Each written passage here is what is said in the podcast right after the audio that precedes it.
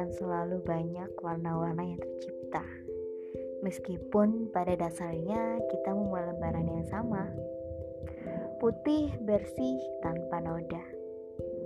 Lalu dengan seiring waktu, kita sendiri yang akan mengisi dengan warna-warna yang berbeda. Ada merah, hitam, kuning, biru, dan masih banyak lagi warna-warna yang akan dalam lembaran putih yang kosong tadi.